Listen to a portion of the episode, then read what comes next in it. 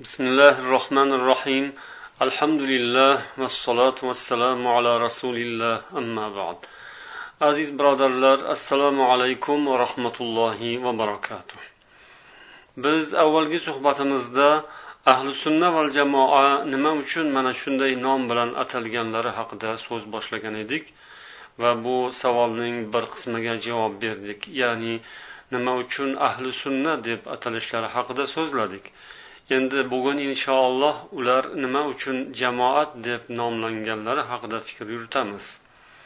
Jamoat so'zining lug'aviy ma'nosi uch kishi va undan ortiq insonlar guruhiga jamoat deb aytiladi. Demak guruh toifa yig'in odamlarning majmuasi bir guruhi jamoat deb aytiladi. Shar'iy ma'nosiga keladigan bo'lsak ahli sunna va jamoa jamoat deb atalganlarining sababi ular payg'ambar sollallohu alayhi vasallamning jamoalariga birlashganlari rasululloh sollallohu alayhi vasallam atroflarida birlashganlari uchun sahobalar jamoalari va ularga ergashgan tobeinlar va keyingi zamonda kelgan ulamolar omma musulmonlarning jamoalari bo'lganlari e'tibori bilan ular jamoat deb nomlandilar. Ular bir biridan uzoq bo'lish bir biridan ajralish bir biriga zid teskari qarama qarshi bo'lib olish aloqalarni uzish kabi noxush ko'rinishlardan uzoq va undan unda yomon holatlardan ular begona ana o'shanday ajralishlardan bo'linishlardan uzoq bo'lganlari va bir birlari bilan ittifoq inoq holda kelishgan holda bir birlari bilan murosa qilgan holda yashagan va hayot kechiradigan mm, jamoat bo'lganlari uchun mana shu nom bilan nomlanganlar payg'ambarimiz sollallohu alayhi vasallamdan ibn moja rivoyat qilgan hadis mana shu ma'nolarga dalolat qiladi عن عوف بن مالك قال قال رسول الله صلى الله عليه وسلم افترقت اليهود على إحدى وسبعين فرقة فواحدة في الجنة وسبعون في النار وافترقت النصارى على على ثنتين وسبعين فرقة فإحدى وسبعون في النار وواحدة في الجنة. عوف ابن مالك روايات rasululloh sollallohu alayhi vasallam dedilar yahudiylar yetmish bir firqaga bo'linib ketdilar. Ularning bir firqasi jannatda yetmishtasi do'zaxdadir. Nasorolar yetmish ikki firqaga bo'linib ketdilar. Ularning yetmish bittasi do'zaxda bir firqasi jannatdadir. Muhammadning joni uning qo'lida bo'lgan zotga qasamki mening ummatim yetmish uch firqaga bo'linib ketadilar. Ularning bittasi jannatda yetmish ikki firqasi do'zaxdadir odamlar so'radilar ular kimlar yo rasululloh rasululloh sollallohu alayhi vasallam dedilar ular jamoatdir hoshiyati sindiy kitobida jamoat so'ziga أي الموافقون لجماعة الصحابة الآخذون بعقائدهم المتمسكون برأيهم deb sharh berganlar Ya'ni rasululloh ular jamoatdir degan so'zlarning ma'nosi ular sahobalar jamoasiga muvofiq kelgan. Sahobalar jamoasini qo'llab quvvatlaydigan tasdiqlaydigan ularga qo'shiladigan ularning e'tiqodlarini oladigan ularning fikrlari ra'ylarini mahkam ushlaydigan jamoatdir deb sharh berganlar. Bu jamoa ya'ni rasulullohning jamoalari sahobalar jamoasi va ularga ergashganlar jamoalari bular ollohning kitobi va rasulullohning sunnatlari asosida birlashganlar. Mana shu yo'l ustida bir birlari bilan do'st birodar ittifoq inoq bo'lganlar bir birlari bilan murosayu madora bilan umr o'tkazganlar bir birlarining xato kamchiliklarini kechirganlar hamma yaxshilikni o'zaro birgalikda mavjudlikda ko'rganlar. Va bir biridan ajralish bo'linish teskari bo'lish xiloflarga borish mazmum ixtiloflarga borishni ular o'zlaridan rad etganlar. Va mana shunday qilib ular musulmonlarning ko'pchiligini tashkil qilganlar. Musulmonlikning asosini tashkil etganlar boshqalar ulardan ibrat olib ularga birlashganlar ergashganlar. Ammo ularning muqobilida ahli dalolat ahli firqa esa ahli furqa esa ya'ni bo'linish ahli ajralish tarqalish tafriqa bo'lish tarqoqlikka yuz tutish bular esa adashgan toifalarning sifatlari bo'lib qoldi. Haq toifaning belgilaridan biri haq yo'l ustida birlashish inoqlik uyushqoqlik bo'lsa botil toifaning sifatlaridan biri haq ishining ustida talashib tortishish tarqoq bo'lish birlasha olmaslik gaplari bir joydan chiqmaslik va o'zlari ham ana shunga loyiq mos ko'ngillari ham faqat o'z bilarmonlik bilan ish tutishni xohlaydigan o'zining so'zini boshqalarga o'tkazishga urinadigan doimo o'zini ko'rsatish va boshqalardan ajralib turish mening aytganim bo'lsin mening so'zim bo'lsin degan narsani ushlab olish bu botil toifaga tekkan kasallik ularning sifatlari. Ularda bir biriga quloq solmaslik o'z bilganicha ish tutish bularga odat bo'lib qolgan. Birlashsalar gohida birlashsalar ham ular botil ustida birlashadilar nohaq ish ustida zulm ustida ig'vo fitnalar ustida birlashadilar. Shuning uchun ham ularning birligi ularning jamoati jam bo'lgani fasodlarga ig'voyi g'iybatlarga fitnalarga to'la bo'ladi. Ammo ahli sunna val jamoa esa bunday ishlarda birlashmaydilar. Fasod ig'vo fitnalar bo'ladigan botil ishlar qilinadigan holatlarda ular uzoq bo'ladilar. Ular faqat yaxshilik ustidagina haq ustidagina birlashadilar. Ahli sunna va jamoa demak haqiqiy islom ummatidirlar. Ular islomni pokiza holda saqlab qolgan jamoatdirlar. Islomning asli asosini qur'on va sunnatni saqlab kelgan jamoa mana shu ahli sunna val jamoa bo'ladilar. Ular musulmonlarning mutlaq ko'pchiligini tashkil qilganlar. Ammo firqalar esa ulardan ayrilib ajralib ketganlar esa ular kamchilikni tashkil qilgan gohida paydo bo'lib gohida yo'qolib turtinib surtinib islom ummatining chetida atrofida aylanib yurishgan hozirgi zamonda ham ana shunday ajralgan toifalar bo'lsa ular alohida ajralgan o'ziga nom qo'yib olgan odamlar bo'ladilar. Imom tahoviy rahimaulloh o'zlarining aqoid kitoblarida yozadilar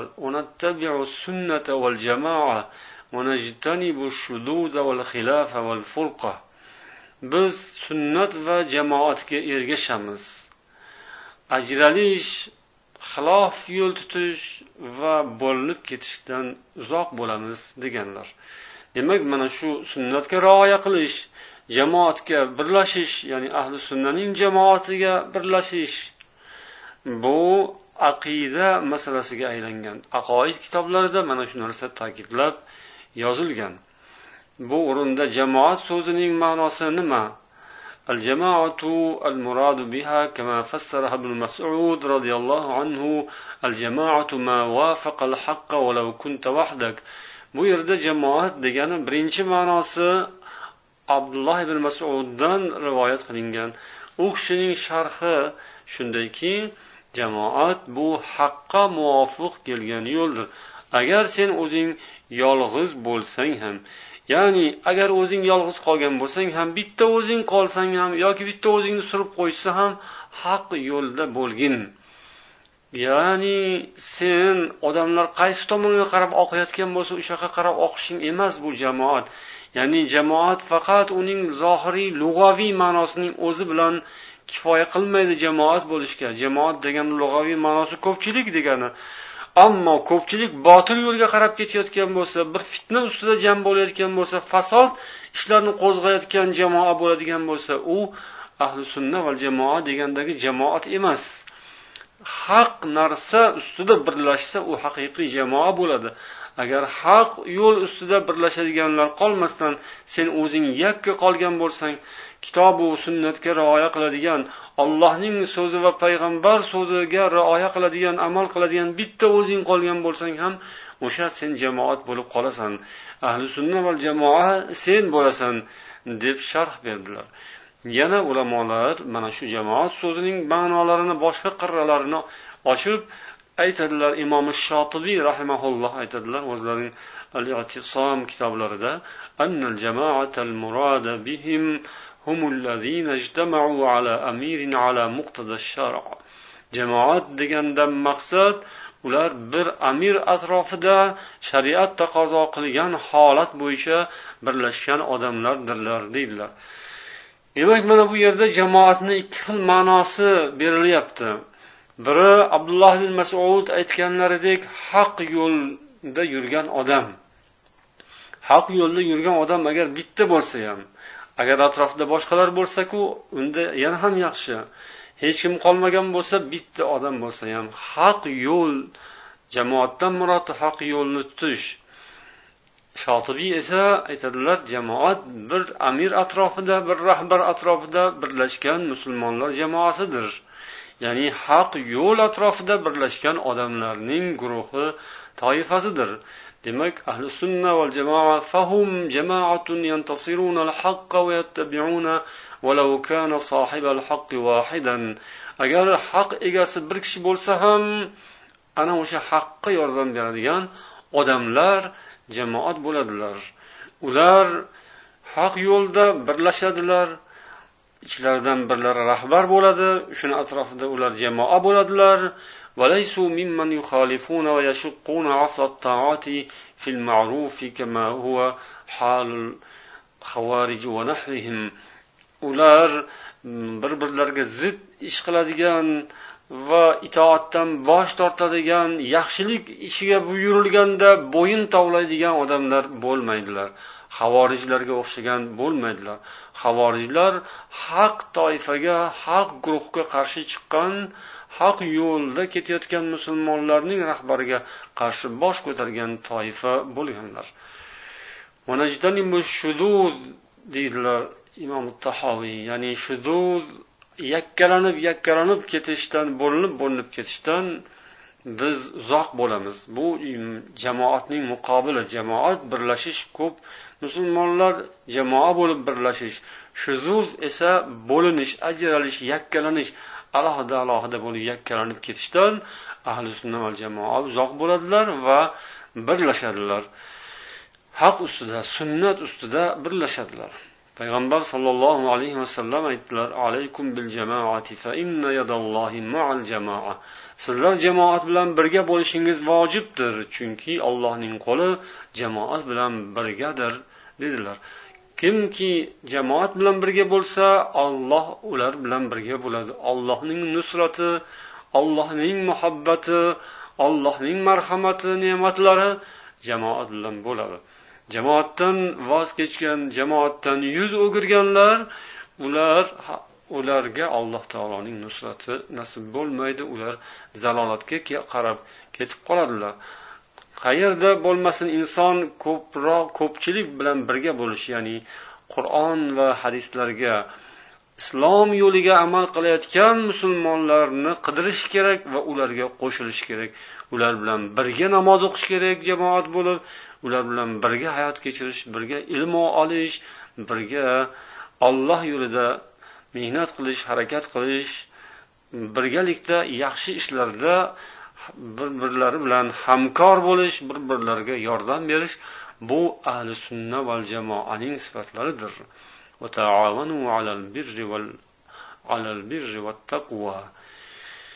Bir biringizga yaxshilik va taqvo yo'lida hamkor bo'lingiz hamkorlik qilingiz degan alloh taolo. Yana olloh aytadi oli imron surasining uchinchi oyatida allohning arqoniga hammangiz mahkam yopishingiz va bo'linib ketmangiz degan jamoat bo'lib yashangiz deb alloh taolo o'zi buyurgan bo'linishlardan ajralishlar bir birlariga teskari bo'lib olishlaridan olloh qaytargan. Bunday ishlarni adashganlarning ishi sifatida olloh ham payg'ambar ham qoralaganlar. Yana imom tahoviy xilofdan biz uzoq bo'lamiz deganlar xilof bir biriga teskari qarama qarshi bo'lib olish.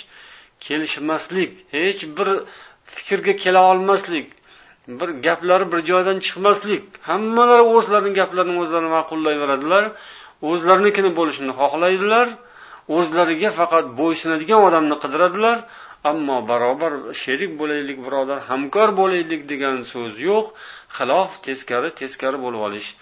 Bu xilof qoralanadigan xilof mazmum xilofdir. Ya'ni mazmum xilof shuki dinda ma'lum bo'lgan hamma qabul qilishi kerak bo'lgan aniq ochiq oydin ishlar ustida talashadiganlarni xilof mazmum xilof mazmum ixtilof qoralanadigan ixtilofga botgan odamlar. Shunday ixtiloflarga mubtalo bo'lgan odamlar deyiladi. Bu kasallik kelishmovchilik o'zinikini faqat o'tkazishga urinish bu haq ish ustida talashish bo'ladi. Ammo ijtihodiy masalalarda xilof qilish turli xil fikrlar egasi bo'lish bu islomda ham islomda ham targ'ib qilinadigan narsa. Ya'ni har bir inson o'zining aqliga o'zining ijtihodiga o'zining qarashlariga fikrlariga ega bo'lishga haqqi bor. O'z fikrlarini o'z fikrini qarashlarini takliflarini jamoatga taqdim qilishga haqqi bor. Ana o'shanda haqiqat oydinlashadi. Ya'ni ba'zi ishlar mavhumroq bo'lib qolgan bo'lsa tushunarsiz bo'lib qolgan bo'lsa uni tushunishga harakat qilish tushuntirib berishlarini so'rash va muhokama qilish bu mm, yaxshi narsa targ'ib qilinadi. Ammo aniq ochiq oydin bo'lib turgan ishlarni ham shubhaga tortish ularni ham har xil bo'lmag'ur narsalarga yo'yish burish ochiq oydin hamma tushunarli oddiy tushunarli bo'lib turgan ishlarni ham talashib tortishish uni boshqacha qilib o'zgartirish kelisha olmaslik haq yo'l ustida birlashib harakat qilishning o'rniga ezgu ishlarni qilishning o'rniga talashib tortishaverishlik mayda chuyda bahonalar bilan har xil narsalarni sabablarni keltirib ishlarni orqaga tortish bu qoralanadi. Bu narsa ahli bidatlarning sifatlari ahli sunnaning esa sifati bunday bo'lmaydi. Ular ijtihodiy masalalarda xilof qiladilar ammo bir fikrga yo rahbar buyuradigan bir fikrga yoki jamoat ko'pchilik bo'lib kelishiladigan bir yo'nalishga fikrga ular kelishadilar va ishlarini boshlaydilar amallarini ado etaveradilar. Buning aksi esa bid'atchilarda mm, va zalolat ahlida bo'ladiki ular hech qachon kelisholmaydilar birlasha olmaydilar. Furqa ya'ni ajralish bo'linish firqalarga bo'linib ketish turli xil guruhlarga bo'linib olib bir birlariga qarama qarshi bo'lib bir birlariga tosh otib bir birlarini ketlaridan ig'vo fitnalar tarqatib yurish bu ahli sunna va jamoaning odati emas biz undan uzoq bo'lamiz deb yoziladi mana e'tiqod kitoblarida. Agar musulmonlar mana shu haq yo'lda sunnat yo'lida bo'ladigan bo'lsalar sunnatga rioya qiladigan bo'lsalar qur'on va hadislar kitobu sunnat va salaf ulamolarimizning yo'llarini hammasini butun ustiga oladilar. Bir yerini ushlab boshqa yerini tark qilib yubormaydilar. Ixtilof kelishmovchilik mana shunda ya'ni bir dinning bir jihatini olib boshqa jihatini tark etishdan ixtilof kelib chiqadi.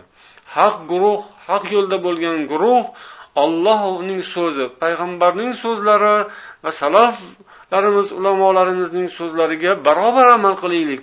Hammasini qo'limizdan kelgancha ushlab rioya qilaylik amal qilaylik deydilar va mana shu yo'l ustida ular birlashadilar. Ular mana shu yo'lda mustahkam bo'ladilar. Ammo ba'zilar esa dinni bo'laklarga ajratishga boshlaydilar. Mana bu qismini amal qilinadi bu qismi amal qilinmaydi. Mana bu unday bu bunday deb parchalashga bo'laklarga ajratishga boshlaganlarida ana o'sha yerda demak ixtilof kelib chiqadi. Botil toifa o'sha bo'laklarni bittalab bittalab ushlab olishga harakat qiladi. Bu bilan ahli sunna val jamoaning yo'li o'sha yerda to'xtaydi. Ya'ni u yo'l ahli sunnaning yo'li emas. Ahli sunna va jamoaning yo'li emas. Ahli sunna rasululloh va xulafoi roshidinlarning sunnatini mahkam ushlaydilar. Jamoat bo'lib ushlaydilar birga bo'ladilar va bu yo'lni bo'laklarga ajratmaydilar.